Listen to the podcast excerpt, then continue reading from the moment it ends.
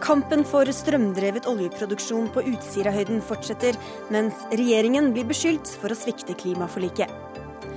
Uskyldige kan sitte i varetekt i månedsvis. Juristene mener det bryter med menneskerettighetene, og Justisdepartementet må svare for seg. Med et hørespill vil regissør Mathias Kallmeier gjenåpne etterforskningen av Scandinavian Star. Hvordan skal han klare det? Og familievernkontorene har ikke tid til par som sliter før bruddet er et faktum. Hvor blir det av bevilgningene, spør Arbeiderpartiet.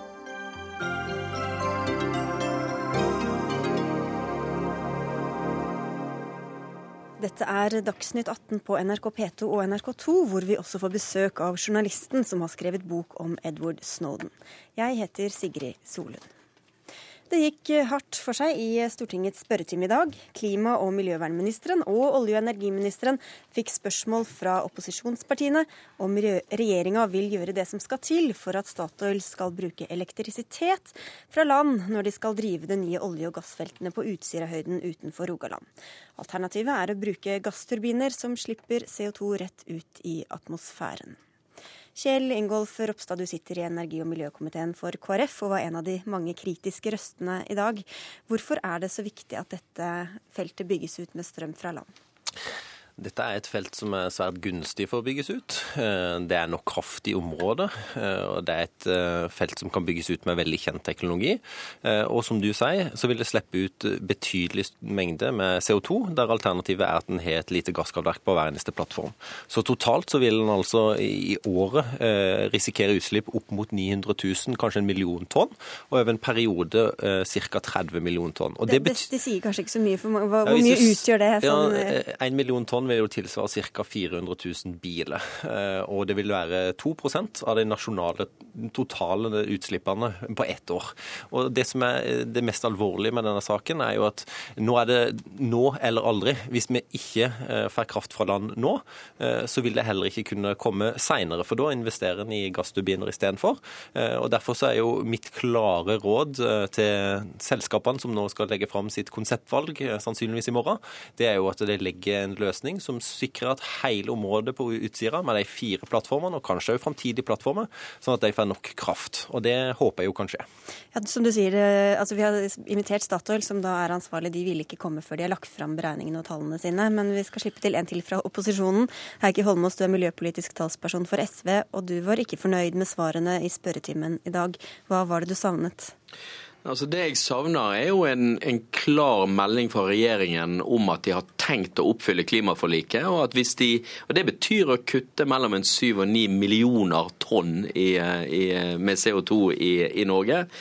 Og, og, Hvis du ikke sørger for at hele Utsira-feltet blir elektrifisert og får ren strøm fra land istedenfor sterkt forurensende gasskraftverk, vel, da er du også nødt for å ta kutt andre steder i Norge. Og verken olje- og energiministeren eller eh, miljøvernministeren var i nærheten av å være i stand til hvordan de hadde tenkt å gjøre andre kutt hvis de ikke fullelektrifiserer. Vi kan jo begynne med begynnelsen. Tord Lien, olje- og energiminister. Hvor viktig er det for dere å elektrifisere dette feltet? Stortinget har eh, i forbindelse med behandlinga av eh, klimameldinga som Heikki Holmås la fram, det som ble kjent etter hvert som klimaforliket i Stortinget, sagt at det skal være et mål å fullelektrifisere hele Utsira. Eh, og at det skal følges opp eh, av regjeringa. Det har vært fulgt opp av Oljedirektoratet og av Olje- og energidepartementet. Eh, og det målet er at, at Utsira skal elektrifiseres. Så de har ikke noe å bekymre seg for? Nei, men så har jeg lyst til å si at jeg, synes, jeg lytter jo til det Ropstad sier, og jeg tror det er grunn til å minne om at Statoil har jo sagt at de jobber ikke med noen annen løsning enn å eh, elektrifisere Sverdrup, som, eh, som er nå den store plattforma som, nå er det skal tas konseptvalg på. Sånn at han vil jo få kraft fra land. Så det er, helt, det er ingen grunn til bekymring, da, tenker du? Eller? Nei, men altså, vi må jo ha det med oss. Altså, dette er en svært stor utbygging eh, til eh, mer enn 100 milliarder kroner totalt. Det er viktig at vi går inn i dette med den grundigheten en så stor eh, utbygging forlanger. og Derfor tenker jeg at det er viktig å nå la de operatørene som har lang industriell erfaring og jobba med dette i mange år, få legge frem sitt konseptvalg, og at vi da lar Oljedirektoratet vurdere det beslutningsgrunnlaget som da legges frem. Vi har andre som er mer utålmodige her. Kari Lisbeth Kaski, du er nestleder i miljøorganisasjonen Zero. Um, hvor viktig mener du denne saken er, at, at regjeringen faktisk holder ved det de har planlagt? Dette er en svært viktig sak og av strategisk betydning for Norges klima- og energipolitikk.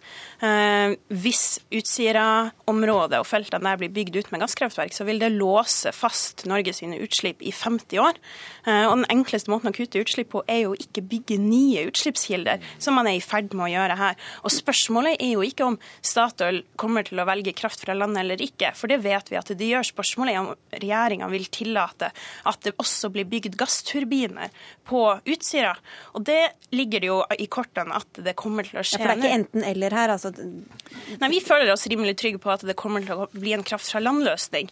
Men det spørsmålet er jo hvor mange gassturbiner vil regjeringa tillate? Og det svarte jo ikke eh, Sundtoft eller Lien på i Stortinget i dag. Og spørsmålet er jo i hvor stor grad har de signalisert overfor, overfor Statoil at det må være en kraft fra land-løsning som innebærer null gassturbiner. Ja, men det kan vi høre, fordi Her er det altså snakk om at kanskje noe av det blir elektrifisert, mens andre går på, på gassturbiner. Er det en mulig løsning? Jeg kan, jeg kan, ikke spekulere i hva som kommer i et konseptvalg som Men du kan spekulere hva dere vil velge, uavhengig av hva Statoil mener? Jeg, jeg, har lyst til å si litt om hva klimaforliket legger til grunn. De legger til grunn at det skal jobbes med uh, elektrifisering av feltene på, på Utsirahøyda.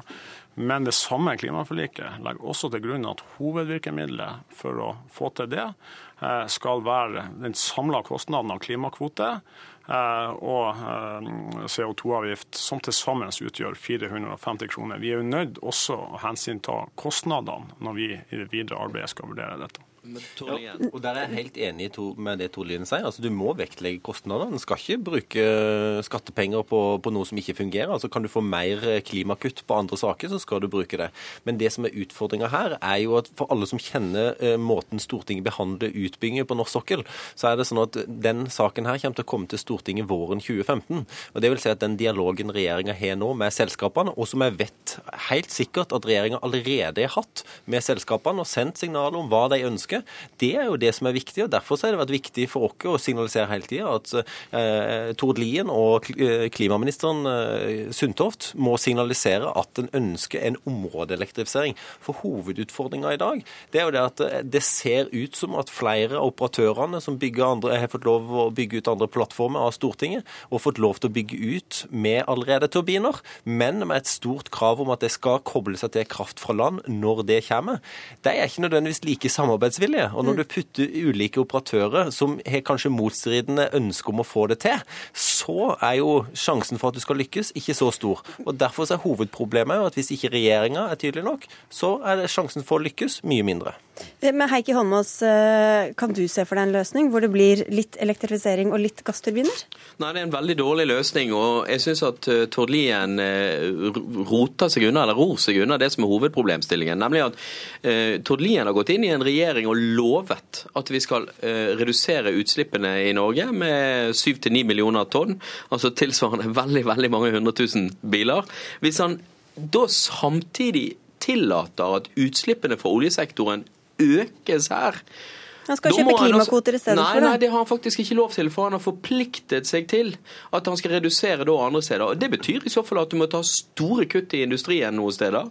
Du må ta store kutt gjennom å øke veiavgifter eller droppe utbygging av veier. Og det er der jeg mener, det er der jeg mener Tord Lien, du må forklare oss Hvis ikke du er villig til å stille miljøkrav til oljeselskapene og sette miljøkrav høyere enn økonomiske krav til oljeselskapene, da må du vise oss hvor ellers du har tenkt å kutte. Men Heikki om oss, dette har altså eh, Elektrifisering av Utsira har både myndighetene brukt mye ressurser på, Olje- og energidepartementet har vært, eh, vært inne i det jobba med, med, den problemstillinga.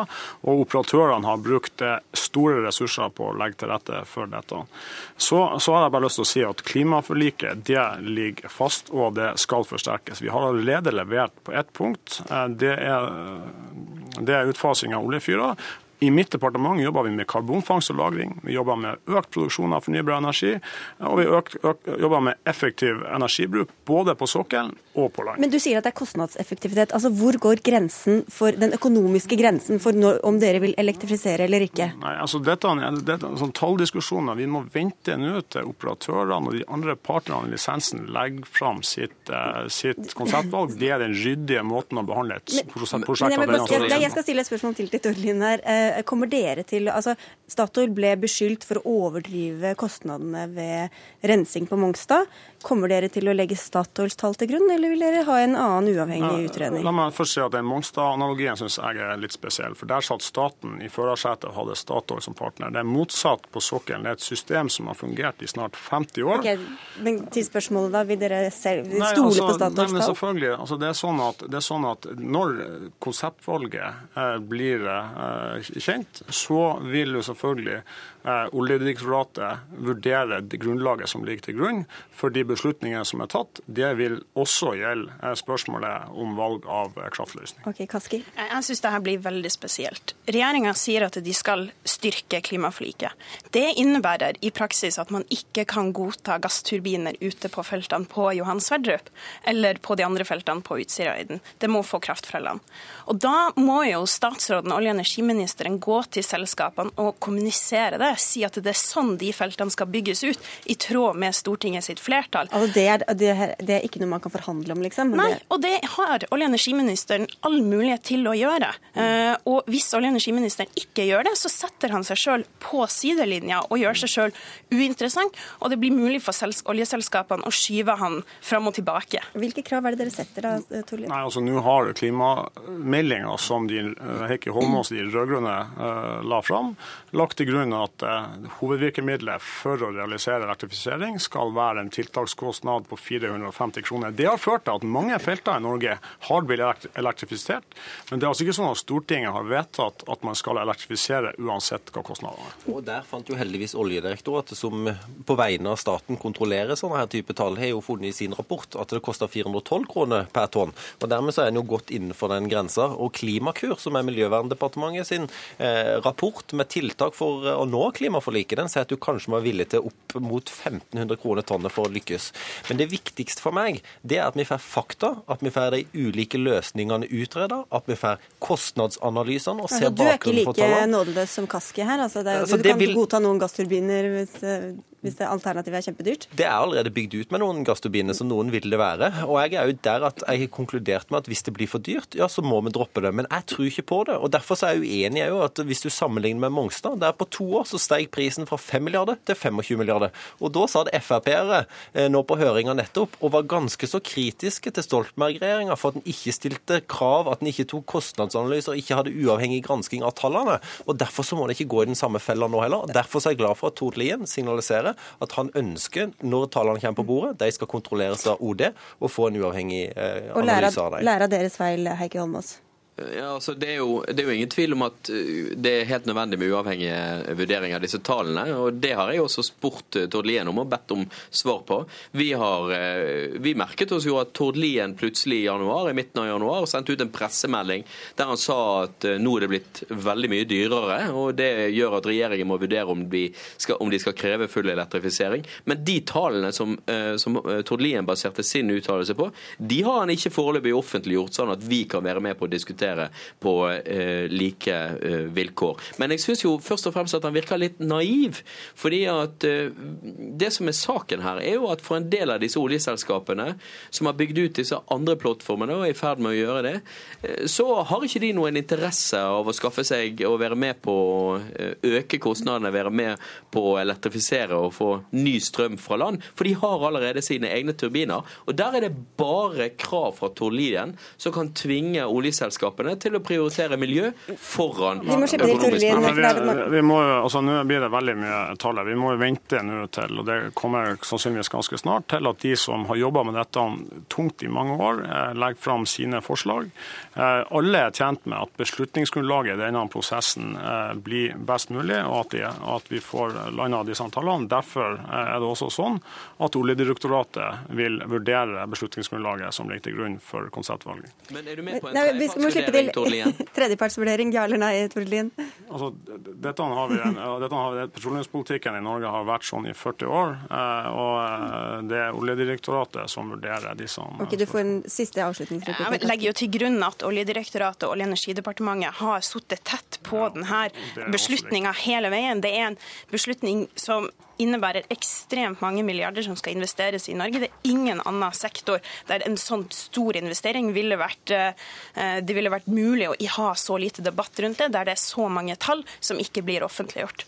Eh, og det er jo ja, det, det, det, altså, vi kommer jo til å sørge for, når konseptvalget er tatt, at uh, Oljedirektoratet går inn i dette, så er det helt rett som Kaski sier. Departementet og Oljedirektoratet har jobba med denne saka lenge. Uh, og vi skal sørge for at, at, beslutningsprosessene her blir grundig opplyst. Og Du kan vel ikke se bort fra at du kanskje får en telefon fra Dagsnytt 18 i morgen formiddag, Tore Lien. Vi sier takk til dere inntil videre. For vi skal slippe inn kommentator i Dagens Næringsliv, Kjetil Bragli Alstaheim. Dette blir jo til sjuende og sist opp til Stortinget hvor det er flertall for eh, elektrifisering. Men hva kan komme til å skje i denne saken nå framover? Det interessante er jo eh, for det første hva Statoil eh, og de andre operatørene faktisk kommer med. Fordi Foreløpig så baseres jo mye av den debatten på, på lekkasjer. På veldig høye kostnadsanslag. Så vi får se hva som kommer. Og så blir det spennende da hva, hva, regjeringen gjør, selvfølgelig, hvilke valg den tar, og hva eh, partiene på Stortinget gjør. Og der har jo Arbeiderpartiet fått en, en ny og litt sånn fri rolle. Fått en klimavår, på en måte? Ja, på en måte. Og de, de, de har, jo vært eh, ganske skarpe i den diskusjonen her, uten at de har bundet seg helt opp. Eh, sånn at, uh, så de kan være med på en slags sånn mellomløsning i Stortinget potensielt? Ja, Vi får se. Altså det, det, er interessant at de, det virker som Arbeiderpartiet har lyst til å, å få en litt uh, mer sånn pådriverrolle i klimapolitikken. At de var litt lei av å være hoggestabbe og bremsekloss i åtte år og, og få det stempelet. Og dette er en av de sakene der de, de kan komme til å, å, ta den rollen. Våre gjester her trodde kanskje at Statoil kom med noen tall i morgen tidlig. Hvor viktig blir de? Altså, Hvor mye kommer de forskjellige til å stole på de tallene fra Statoil? Jeg syns vel vi hørte på debatten her at uh, det er, uh, opposisjonen kommer i hvert fall ikke til å, å ta det uh, for god fisk. Fordi, blant annet fordi ABB var i Stortinget på et seminar i går og opererte med helt andre anslag enn det som har lekket ut. Eh, og til og med sa at dette ville være lønnsomt eh, å gjennomføre. Så det vil komme et krav om å, å, å spa gjennom de tallene litt ordentlig.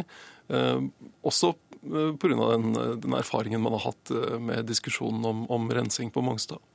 Det heter seg jo at forurenser skal betale, men hvilke økonomiske insentiver har Statoil for det ene kontra det andre valget? Det, når det gjelder klimapolitikken, så er jo olje- og gassektoren et av de, norsk olje- og gassektor et av de områdene der det er sterkest eh, klimavirkemidler. Eh, vi har hørt et tall her tror jeg, i debatten på 450 kroner, og det er eh, CO2-avgiften som Norge pålegger. I tillegg så er det kvoter gjennom EUs kvotesystem. Så det er en veldig sterk klimapolitikk som allerede ligger der. Og så er spørsmålet hvordan regner Statoil på dette frem i tid? Dette er en investering som skal være der i, i mange tiår. Og der vil jo eh, ulike måter å legge inn renter og, og verdiberegninger ha veldig stor betydning for, uh, for uh, hva, slags resultat de kommer til. Ja, for, og Hvis kvotemarkedet begynner å virke, så kan dette bli mindre lønnsomt hvis de ikke velger elektrifisering? Det kan det jo. Eh, men, eh, men, 450 eh, kroner per tonn er fortsatt en veldig høy pris. Og godt over det man i hvert fall foreløpig tror vil bli prisen i det europeiske kvotemarkedet helt frem til 2030. Og Det, det er jo også et, et, et, sentralt poeng i den debatten her. I klimaforliket så står, det at man skal ta to tredjedeler av innsatsen fram mot 2020 innenlands. Men dette er jo en type utslipp som er omfattet av EUs kvotesystem. Sånn at hvis Norge Altså det at vi ikke slipper ut, ikke trenger kvoter da, på Utsirahøyden hvis vi elektrifiserer, det betyr jo bare at de kvotene er tilgjengelige for noen andre. At utslippet kan komme et annet sted. Fordi taket på, på denne sektoren, taket på utslippene totalt sett for Europa, er satt. Mm. Så, det, så, det, har stor betydning for det norske klimaregnskapet, men ikke så stor betydning for klimaet. Vi får vente og se, og kanskje kommer det nyheter i morgen. Tusen takk skal du ha, Kjetil Alstein. Dagsnytt 18 alle hverdager kl 18.00 på NRK P2 og NRK2.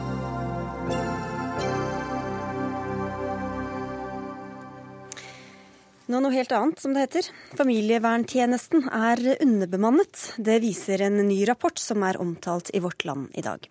I 2012 behandlet familievernkontorene i Norge rundt 25 000 ulike saker. Bl.a. hjalp de par som hadde problemer i samlivet. Men rapporten viser at kontorene ikke lenger har like god tid til å drive forebyggende arbeid, altså tiltak for å hindre, hindre samlivsbrudd. Og dette merker dere, Lars Rostamo, du er leder ved familievernkontoret i Tromsø. Hvordan opplever dere situasjonen ved deres kontor? Eh, vi opplever at vi er nødt til å eh, melde fra om at eh, folk som tar kontakt, må vente i opptil tre til fire måneder før de kan få et tilbud. Per i dag betyr det at man kan gi et tilbud medio mai. Og For mange er det sikkert en, en, et stort valg også å ta den telefonen. Hvordan reagerer de da når de får høre hvor lenge de må vente? De fleste reagerer med stor skuffelse, for det er klart at det, det, tar litt tid å eh, manne seg opp til å ta den kontakten som det er med familievernet, og eh, beslutte at man vil det. Når man da blir møtt med en slik melding, så blir det en type avvisning og vanskelig å takle. Og Hvilke svar får dere da når det har gått fire måneder og dere ringer til, til disse familiene igjen? Da kan vi få svar om at vi har løst det sjøl. Det er det mest positive, og det er ingenting bedre enn det. Andre gang får vi beskjed om at eh, det er ikke aktuelt lenger med parterapi, for nå skal vi ha mekling. Altså, det kommer for langt. Partene vil gå fra hverandre og trenger mekling, som er i slutten av prosessen. Rapporten fra Barne-, ungdoms- og familiedirektoratet sier altså at denne tjenesten er underbemannet, og at situasjonen er vanskelig over hele landet. Solveig Horne, du er barne- og familieminister. Hva tenker du om de, denne rapporten? Ja, nå har ikke jeg fått lest denne rapporten ennå, og den ligger klar til å leses. og Den skal fylles nøye. Men som, eh, de signalene som kommer her, er jo alvorlig og, og, noe som vi er nødt til å gripe fatt i. Og Det som vi vet, er jo det at familievernkontorene har fått midler mer til, mer, flere og flere oppgaver, men det har ikke fulgt ekstra midler til i forhold til drift. Og Derfor er det veldig gledelig at den regjeringen her nå har altså økt eh, med tre millioner på forebyggende familievern utover det som Stoltenberg II hadde lagt opp, pluss at vi har òg øke med 4 millioner kroner til samliv, forebyggende samlivstiltak, noe som Stoltenberg II-regjeringen hadde tatt vekk av budsjettene. Likevel kommer det altså kritikk fra deg, Rigmor Aasrud, du er andre nestleder i familie- og kulturkomiteen på Stortinget fra Arbeiderpartiet. Eh, og hvorfor kritiserer du regjeringa når de da har lagt til penger? Jeg har sagt at jeg gir honnør til Horne for at de har bevilga mer penger til familievernet. Jeg er uenig i hvordan det er finansiert, bl.a. med at det er ganske store kutt på, på, på barnesida. Omfangsundersøkelse for barn, det med å, å, lære å snakke med barn, som ofte er de som er utsatt i en sånn situasjon. Men uh, mer penger. Men det jeg syns er uh, å kritisere for, er at man legger forventninga veldig høyt. Snakker veldig mye om barnevernet i Stortinget. Så sier regjeringspartiene at all god barnevernskapasitet skal utnyttes.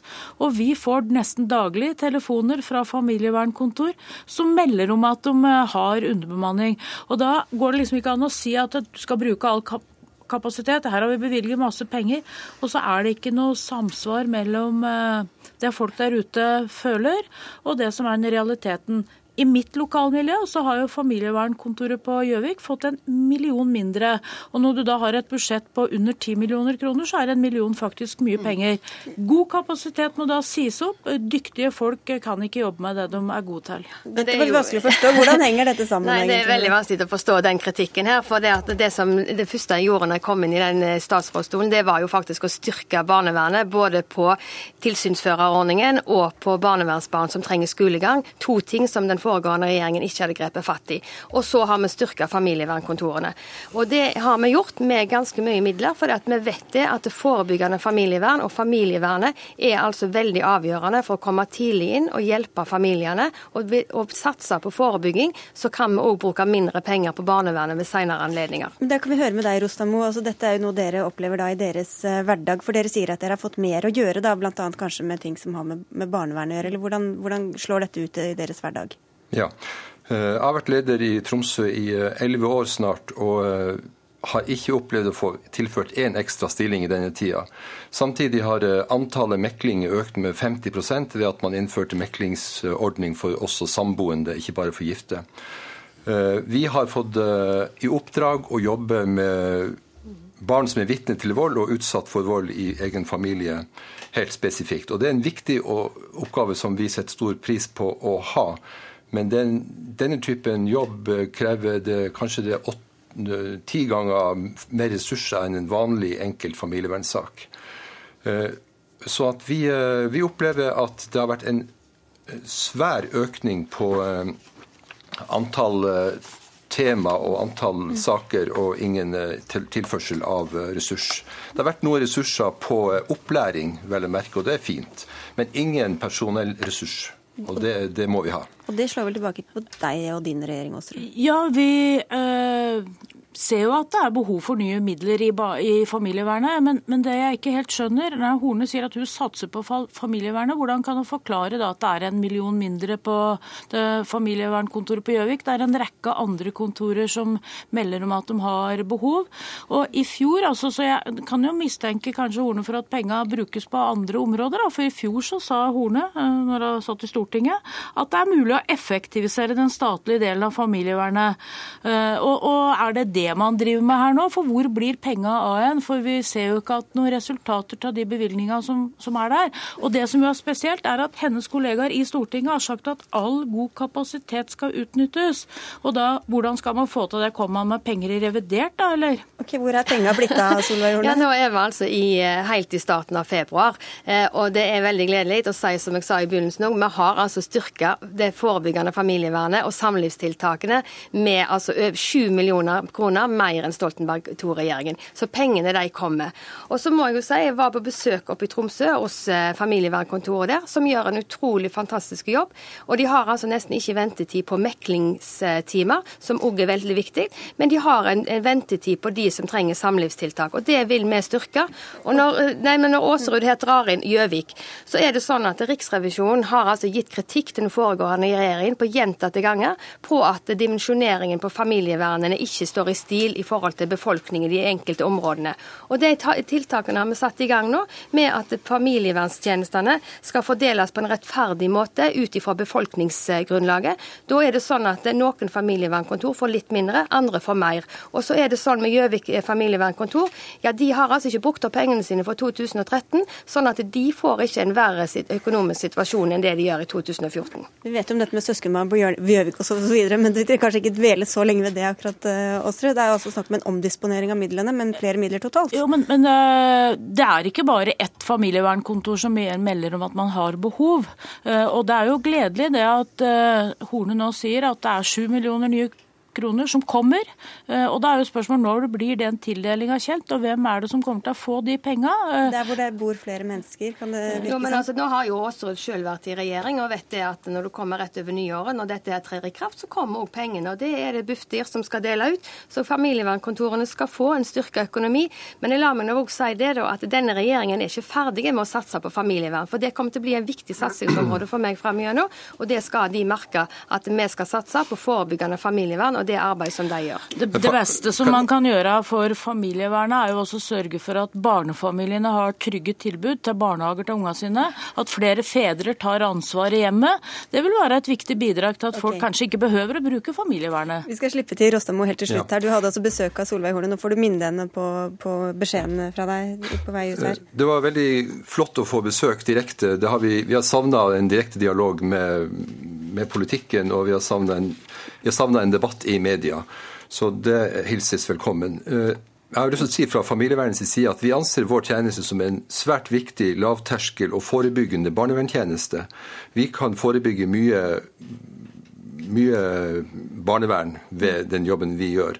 Og vi, treng, vi, vi må ha flere stillinger jevnt over i hele landet. De enkeltmillionene som tildeles på spesialområdet er vel å merke bra, men vi trenger en generell økning av familieverntjenesten som er en billig tjeneste sett ut ifra det tilbudet den kan gi. Da får vi se hvor mye gjennomslag du får i budsjettforhandlingene, Solveig Horne. Takk skal dere ha for at dere kom til Dagsnytt 18, Rigmor Aasrud fra Arbeiderpartiet, eh, barne- og familieminister Solveig Horne og Lars Rostamo fra familievernkontoret i Tromsø.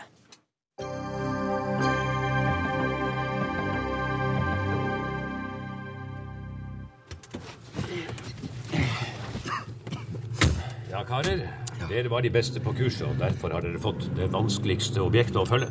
Tusen takk. Takk for det. Eh, han har hatt omgang med KGB helt siden 60-tallet. Og dessuten har han vært mye i Moskva. Um, Foxtrot uh, Han har jo vært med Evensen på gråsoneforhandlingene. Ja, her var det en liten smakebit fra hørespillet som vant Radioteatrets Blå fugl i år.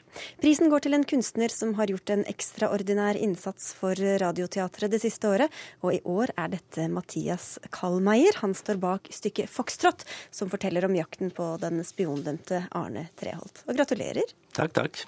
Hva var det som fikk deg og inspirerte deg til å jobbe med et stykke om Treholt?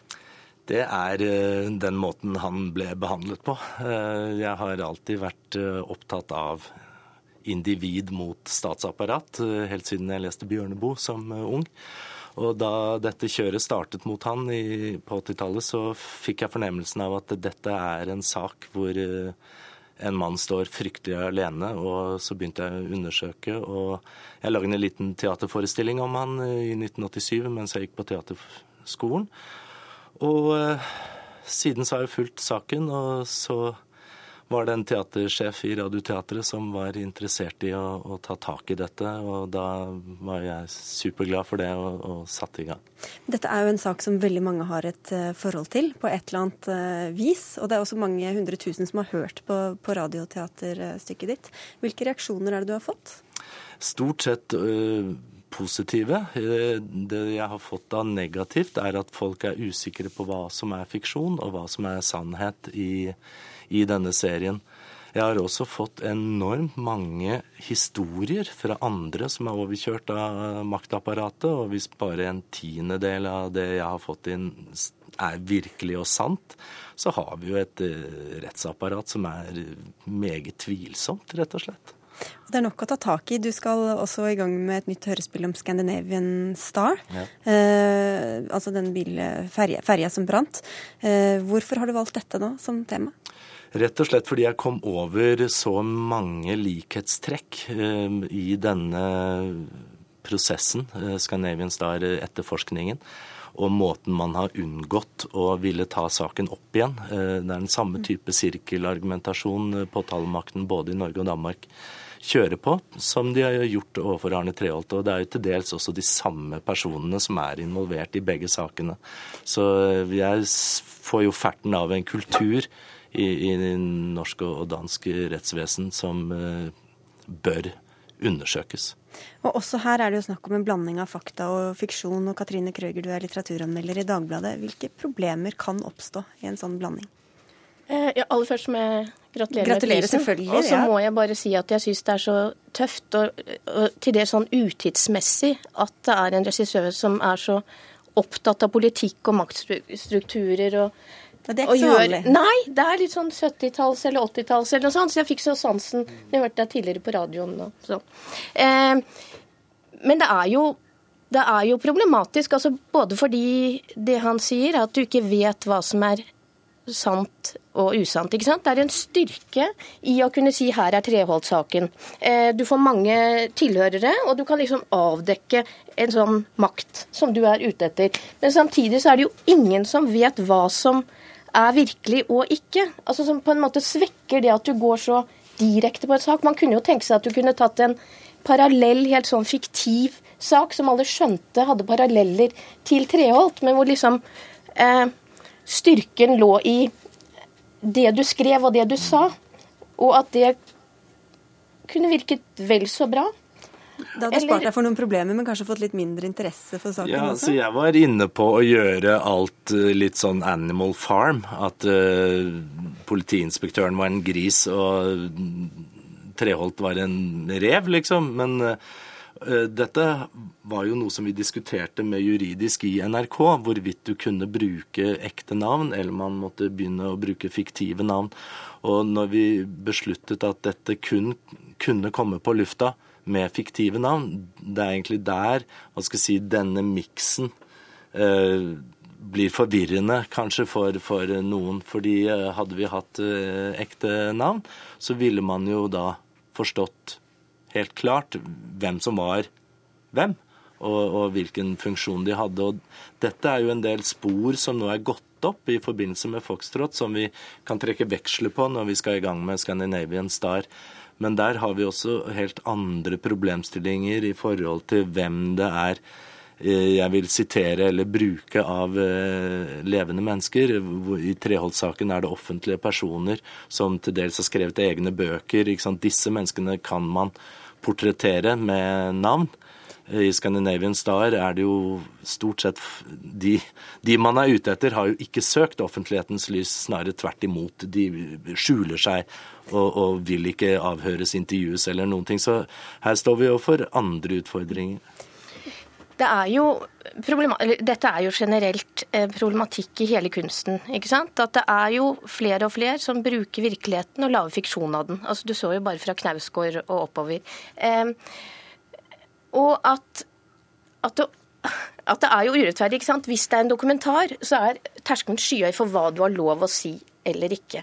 Hvis du lager det som kalles kunst, som kan være utrolig tett opp mot virkeligheten, og hvor lytteren kanskje ikke alltid oppfatter engang at det ikke er dokumentar, så kan du si hva du vil. Nesten. Nesten hva du vil. Eh, så en lett måte å slippe unna på? Ja, jeg tenker for, for både altså, i teater og enda mer i litteratur, så er det flere og flere som ikke sant, At det er jo noe sånn litt sånn spekulativt også generelt ved det at det meste skal være based on a true story. For du får jo, sånn som i Scandinavian Star f.eks., så får du jo Altså, Du må være uhyre varsom med ikke å lage sånne bevende, gråtende skjebner ut av det. ikke sant? At det, er, at det alltid er en sånn spekulasjon ved det. Jeg, jeg fikk en sånn assosiasjon, overhodet ingen annet enn en, en, sånn parallell, og det er holocaust-industrien. ikke sant? At de, at de, um, de bruker menneskelige tragedier, og som nå er blitt en sånn klisjéindustri. Og det har jo Altså, du skjønner den vage parallellen, ikke sant? At du bruker menneskelig elendighet ja, jeg skjønner det nå. Det er, når jeg har snakket med støttegruppen eh, for eh, de, de, etterlatte, så er jeg veldig nøye med hvor mitt ståsted er, hvem jeg er ute etter. og Jeg kommer til å være veldig varsom med beskrivelsene. Men det som er, og det som ligger i mitt fiksjonsgrep, er at jeg innfører de fiksjonskarakterene som skal lose oss gjennom en uhyrlig kompleks uh, sak, og som det vil for lytteren være mye lettere å identifisere seg med. Det vil være lettere å vekke empati, sympati, frustrasjon, forhåpentligvis aggresjon over et, et, system som motarbeider mennesker på den måten. Så de, mine fiksjonspersoner er på en måte brukt som ledes lede, lederpersoner gjennom eh, saken. Og, og målet er altså å få en ny etterforskning eh, av det, saken? Hvis jeg kan bidra til det, så er det ingenting som ville gjort meg gladere enn det. Vi får i hvert fall si gratulerer enda en gang, og tusen takk for at dere kom til Dagsnytt 18, Mathias Kalmeier og Katrine Krøger.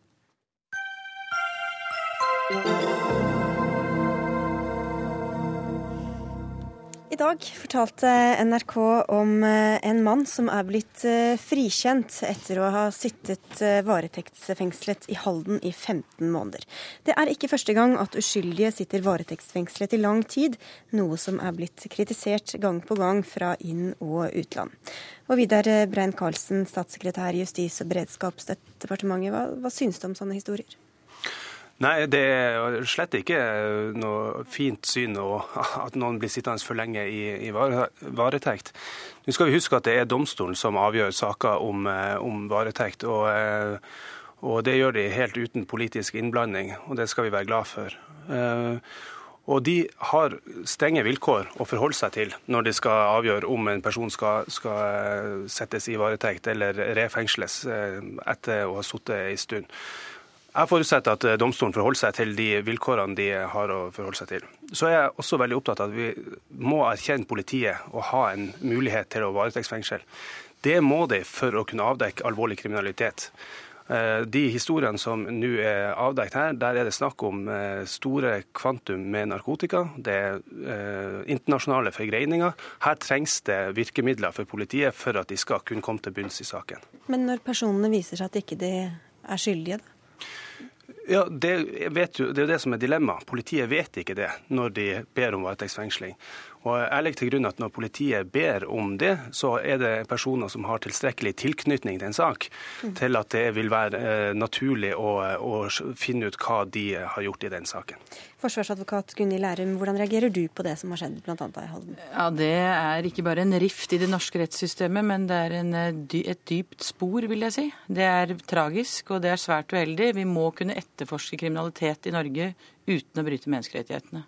For det gjør man ved sånne tilfeller? Ja, utvilsomt. Og vi har vært kritisert flere ganger, også i FN, og ikke minst eh, i forhold til Europarådets torturkomité. Dette er jo uholdbart, og man bør være ydmyk når man hører at folk sitter i månedsvis, og så er de helt uskyldige. Det er for lenge. Er problem, problemstillingen er at det er altfor lenge. Vi har med oss også Bjørn Haaland eh, fra studio i Fredrikstad, for du er sorenskriver i Halden, hvor altså denne mannen satt i varetekt i 15 måneder for så å bli frikjent. Hvordan går det til at folk eh, blir varetektsfengslet, og så tar det over et år før man finner ut at de er uskyldige? Eh, ja. Det som skjer er jo at vurderingskriteriet for å varetektsfengsle er jo helt andre enn vurderingskriteriene for å avsi en dom. Enkelt sagt så kan man jo si at når det gjelder dette med kravet til skjellig mistanke, så er det jo det at det skal være skal vi si, mer enn 50% sannsynlig at vedkommende har gjort det. Mens kravet for en domfellelse er jo bortimot 100% sannsynlighet, ikke sant? utover enhver rimelig tvil. Men gjelder det også når han da blir varetektsfengslet eh, etter åtte måneder eh, f.eks.? Ja. På nytt? Eh, vurderingskriteriet er det samme. Eh, men det er klart at det, det, skal jo mer til for å opprettholde en varetektsfengsling enn en førstegangsfengsling. Ta et typisk eksempel. La oss si at en, en, en person stoppes eh, i en bil, og det finnes store mengder narkotika i bilen. Da er jo det faktum at fyren befinner seg i bilen, det er jo nok eh, til å konstatere skjellig grunn til mistanke ikke sant? i første omgang. Og Så må jo da den senere etterforskning vise hva som egentlig eh, er faktum, da. Gunhild Lærum, hva skjer med mennesker som sitter i varetektsfengslet i 8-9-10 måneder? Ja, det, det, som veldig ofte skjer, er at de får store psykiske problemer. At de, får, de klarer, utvikler eh, angst eh, for eh, offentlige personer, og de utvikler angst i forhold til det å møte andre mennesker, for de sitter veldig ofte isolert. Mange av disse sitter jo på restriksjoner i lengre perioder, og restriksjoner blir ofte håndhevet ganske strengt. Altså isolat osv.? Ja, brev og besøksforbud og kontroll. Problemstillingen er eh, Jeg er selvfølgelig enig med sorenskriveren i forhold til hva som er kravene til bevis, men det som er problemstillingen, er jo at i starten så kan man godt forstå at sitter du i en bil hvor det blir funnet mye stoff, så må du tåle å bli tatt inn, og du må enten da tåle å bli da etterforsket inn eller ut av av en sak. Men problemstillingen i dette landet i mange saker er at det tar altfor lang tid. Eh, og det er tidsbruken som vi også blir kritisert for. Det tar for lang tid, og det, er, det bør vi være ydmyke i forhold til, og det bør vi gjøre noe med. Og dere har jo også i opposisjon kritisert eh, regjeringa for ikke å ha gjort nok med det. Hva, hva har dere gjort siden det, Brent Karlsen? Uh, tidsbruken, det er klart. det i forhold til etterforskninga hos politiet burde gå ned. Da vil også varetektstida gå ned. Og Vi driver kontinuerlig med effektivisering av politietaten. Og det er klart Vi heller ønsker ikke at folk sitter lenger enn nødvendig i varetekt. Og, da, eh, og Jeg legger til grunn videre at, at eh, domstolen vil løslate personer hvis de burde ha vært sjekka ut av saken, eller at de har sittet for lenge i varetekt. Bare ved å sitte, altså, men Skal det være en slags grense for hvor lenge man kan sitte i varetekt? Ja, absolutt. Altså, for, det har jo forsvarergruppen prøvd på flere ganger. At man eh, har visse frister. Hadde man hatt frister, så hadde man unngått dette her. Og det er i, det, dette, er jo, dette, henger jo sammen. Eh, hvis domstolen legger press i, i, forhold til kjennelsene sine på at eh, hvis ikke det skjer noe nytt nå, i løpet av den åtteukersperioden dere nå får til etterforske, da løslater vi. Og der kommer dere inn, politikerne. Kan gjøre noe med det. Jeg syns ikke det skal være noen absolutte frister. Eh, de fristene som Lærum snakker om her, de, de, de, eh, foreligger vel mer eller mindre at man kan eh, stille sånne krav til, til politiet. Men å ha absolutte frister, da vil vi til slutt se at de som bedriver alvorlig kriminalitet, går fri. Og det ønsker vi i hvert fall ikke. Få høre med deg da, Haaland. Har du noen forslag til løsning? Ja, altså Det er jo mange ting man kan gjøre her. Eh, en ting er jo det som, eh, som Brent Karlsen var inne på med å, å styrke etterforskningen, styrke politiet.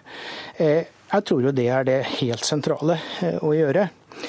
Eh, men det er også en del andre grep eh, man vil kunne foreta her, eh, som går på det lovgivningstekniske. F.eks. I de fleste tilfeller som vi har hvor det er lang varetekt, så, så er det jo slik at den første perioden så sitter siktede gjerne i varetekt med en dobbel begrunnelse. Den ene begrunnelsen er bevisforspillelsesfare. Eh, og det er jo eh, da han vil kunne være undergitt restriksjoner, som eh, i verste fall isolasjon. Men ettersom etterforskningen skrider fram, så vil jo bevisforspillelsesfaren den vil jo reduseres, eller kanskje bli helt borte. Og da sitter de fleste av våre fanger, i hvert fall, de sitter jo da med begrunnelsen unndragelsesfare, fordi dette er folk som ikke har tilknytning til Norge. Så de kan reise rømme, rømme landet? Ja, og det, det, det, gjør de jo erfaringsmessig, det ser vi jo. Eh, men eh, der har vi jo eh, flere ting som kan gjøres. Da. For å ta en helt enkel sak. I dag er det slik at det er en veldig begrensa adgang til å pådømme en sak hvis tiltalte ikke møter til hovedforhandlingen. Eh, et av eh, vilkårene er at eh, aktor ikke må påstå mer enn ett års fengsel for at en slik sak skal kunne fremmes. Hvis man f.eks. enten opphever denne regelen helt og sagt at det er ikke noe tidsgrense, eller eventuelt sa at det skal være fem år eller ti år eller, eller hva som helst, så, så, trenger ikke vi å holde en, en person varetektsfengsla med den begrunnelse at vi ikke får gjennomført hovedforhandlingene, i hvert fall. Da, da, får vi høre, vi nærmer oss slutten, men vi skal få reaksjonene her. Ja, jeg er ikke helt sikker på hvordan det forslaget skulle, skulle løse problemet. Altså, hvis man uh, slipper fri noen som det er stor unndragelsesfare for, som det gjelder i veldig mange av de her uh, smuglesakene som blir tatt på grensen i, i Østfold, så vil de jo stikke av. Og da, at vi får uh, saken pådømt, hjelper jo veldig lite hvis vedkommende har stukket av. Vel, eh, Det, er, det syns jeg er å tale over en kam. Altså, Høyesterett har sagt at eh, unndragelsesfare pga. at man har med utenlandske borgere å gjøre, isolert sett ikke er nok. Jeg mener at det man som må til, er strengere regler i forhold til hvordan omfanget av bruken av varetekt skal være. Og så må det være grenser i forhold til lengde. Det høres ikke ut som dere blir enige. Kanskje vi sitter her igjen om et halvt år med nye historier. Takk skal dere ha for at dere var med i, i Dagsnytt 18. Hør Dagsnytt 18 når du vil. Radio NRK Radio.nrk.no.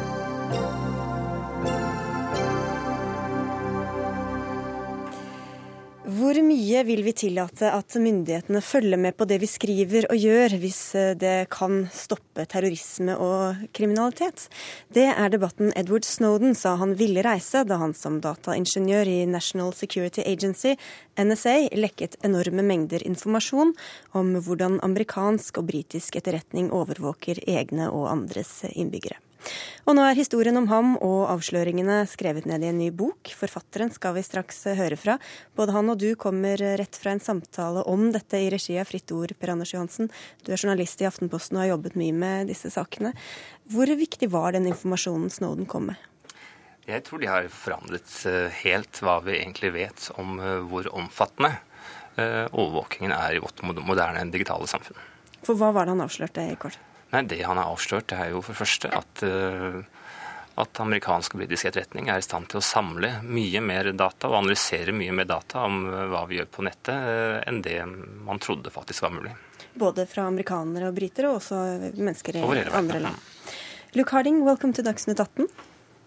Uh, you are the author of this book, The Snowden Files, and you work as a reporter in The Guardian, who worked with Snowden and published uh, the first stories about what he revealed.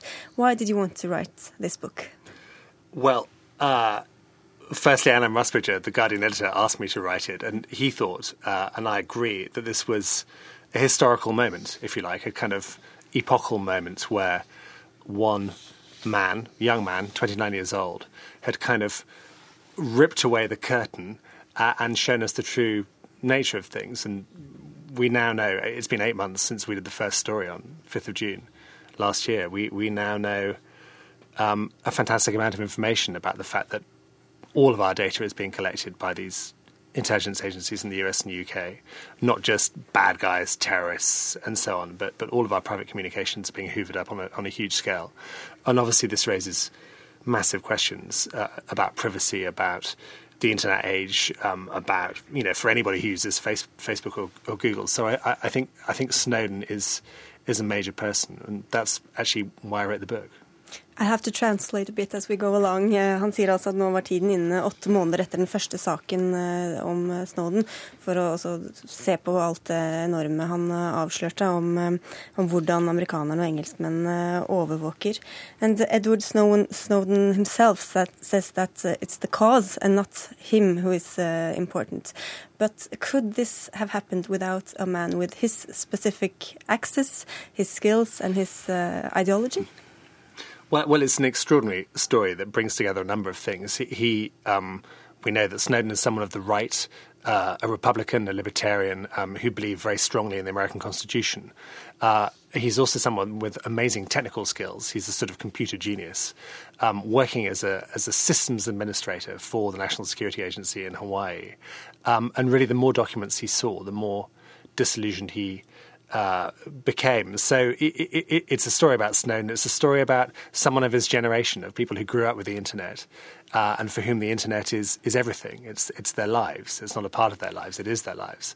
Um, and it, he was prepared to sacrifice his life. He said. Um, really to try and rescue the internet from, from these spy agencies. Mm. Altså Snowden, et barn av sin tid, internettalderen, som hadde også unik tilgang på dette eh, materialet, og, og var en, en mann til høyre i politikken som, tro, som, er veldig opptatt av den amerikanske grunnloven og folks eh, frihet eh, og rett på privatliv. And um, Snowden says he wants the citizens themselves to be the ones to debate these uh, issues and decide if we want this surveillance. Has he reached his goal, do you think? Well, it's a great question. Uh, I mean, certainly we've we now have reliable information. We know what the agencies are capable of. We know, for example, that the iPhone in your pocket can be turned into a spying device. Um, so, so he's he, he's he's pumped all this information into the system, but at the same time, um, I'm fairly skeptical that there will be genuine reform. President Obama stood up last month. He made a speech for an hour, and he he um, he announced a few minor tweaks to the way the NSA would do business. For example, it would no longer spy on Angela Merkel or listen to her phone calls. That wasn't uh, so popular in Germany. Yeah, yeah, which which is popular in Germany, and and you, you know, bear in mind that the NSA was listening a few years ago to 35 world leaders, so was were the Norwegian heads of state there? I, I, I don't know. It's a good question. Um, so this wouldn't happen anymore, um, and a couple of other reforms. But m- my sense is that actually it's kind of business as usual for the NSA and its British partner. Um, I mean, it's it's too early to say, but but um, but now we do at least all know what's going on. Vi, vi, vet mer om hva som skjer, men kanskje ikke det fører til så mange konkrete handlinger, selv om Obama har lovet visse endringer i, i den amerikanske overvåkningen. And Snowden says uh, today or to, uh, yesterday in an interview with a Danish website that the Danes must not trust their government when they claim there is no reason to believe they are being surveilled by the Americans. Can we trust our government, for example, here in Norway? Well, I, I, think it would be a bit, you know, a, a, bit perhaps impolite for a, for a British visitor to, to tell the Norwegian Prime Minister it. what to do. but um, uh, I, I, think you just have to look at the big picture. And the big picture is that, that the NSA um, is taking data from every European country, so from, from Germany, um, from from France. So it would be really quite surprising if um, it wasn't taking your data too. Um, so, so I, th- I think one should be sceptical. But how has the public discourse varied from, from country to country? It's been enormously different. I mean, in America, there's been a fascinating debate where you've got very right wing people on the from the Tea Party uh, and young people who are pro Snowden. Then you have people in Washington on both sides who are against. Um, in Germany, there's been uproar, especially after the Merkel bugging revelations, because the Germans, for, for obvious historical reasons, care deeply about privacy. Um, and in Britain, you know, last year it felt like the whole country was asleep, was was dozing by the fireside next to a photo of the Queen. I mean, only really in the last couple of months that people, people even in Britain, are discussing these issues. But it's been a very slow start. I'll have to continue in Norwegian now. Thank you very much. Uh, altså, debatten har variert veldig fra land til land, Per Anders Johansen. Hvordan vil du si den har vært i Norge? Vi kom jo rett nede fra Fritt Ord, og der var det jo overfylt. Over 160 mennesker som seg sammen for å diskutere og høre hva, hva Luke Harding her forteller, spesielt om uh, The Guardian, som jo egentlig sånn i papirmålestokk er en ganske liten avis, av mindre opplag enn Aftenposten, men som på nettet er kjempestore, og som har stått i ilden uh, når man har publisert disse sakene, og som også har betalt en pris. Luke fortalte jo også bl.a. om hvordan deres PC-er måtte da knuses under påsyn av sikkerhetsfolk, fordi at man ble truet med å stoppe hele avisen hvis ikke man ødela alle Snowden-dokumentene.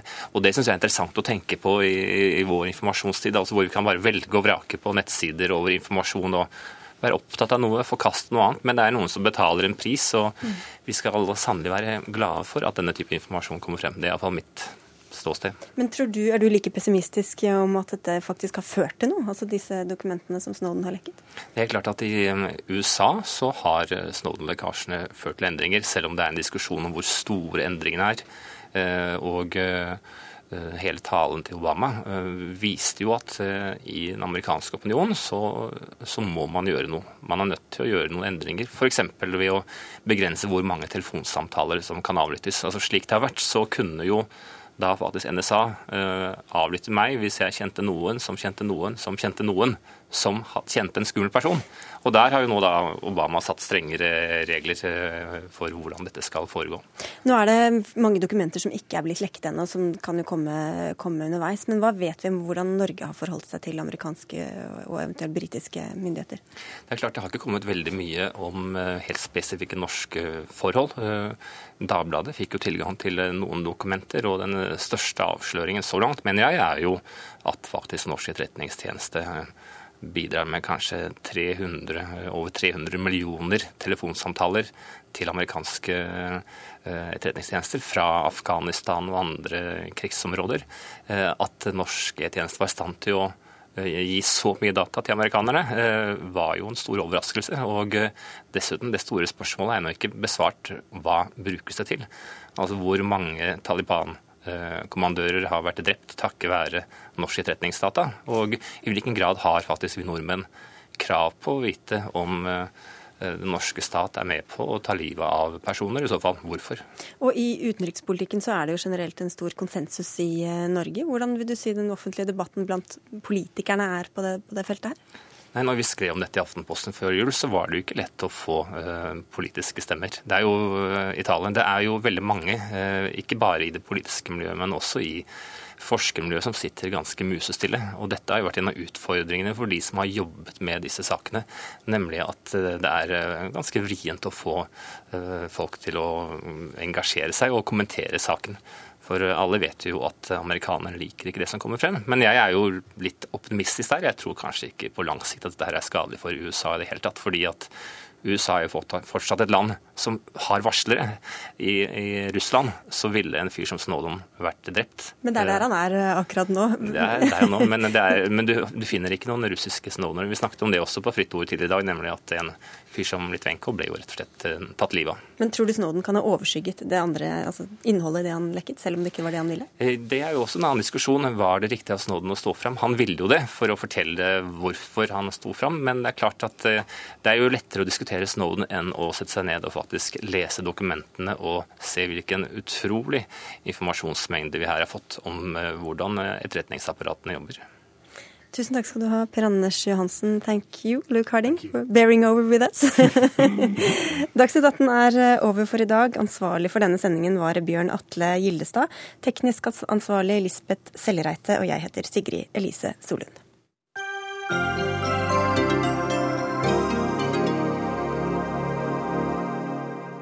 Hør flere podkaster på nrk.no podkast.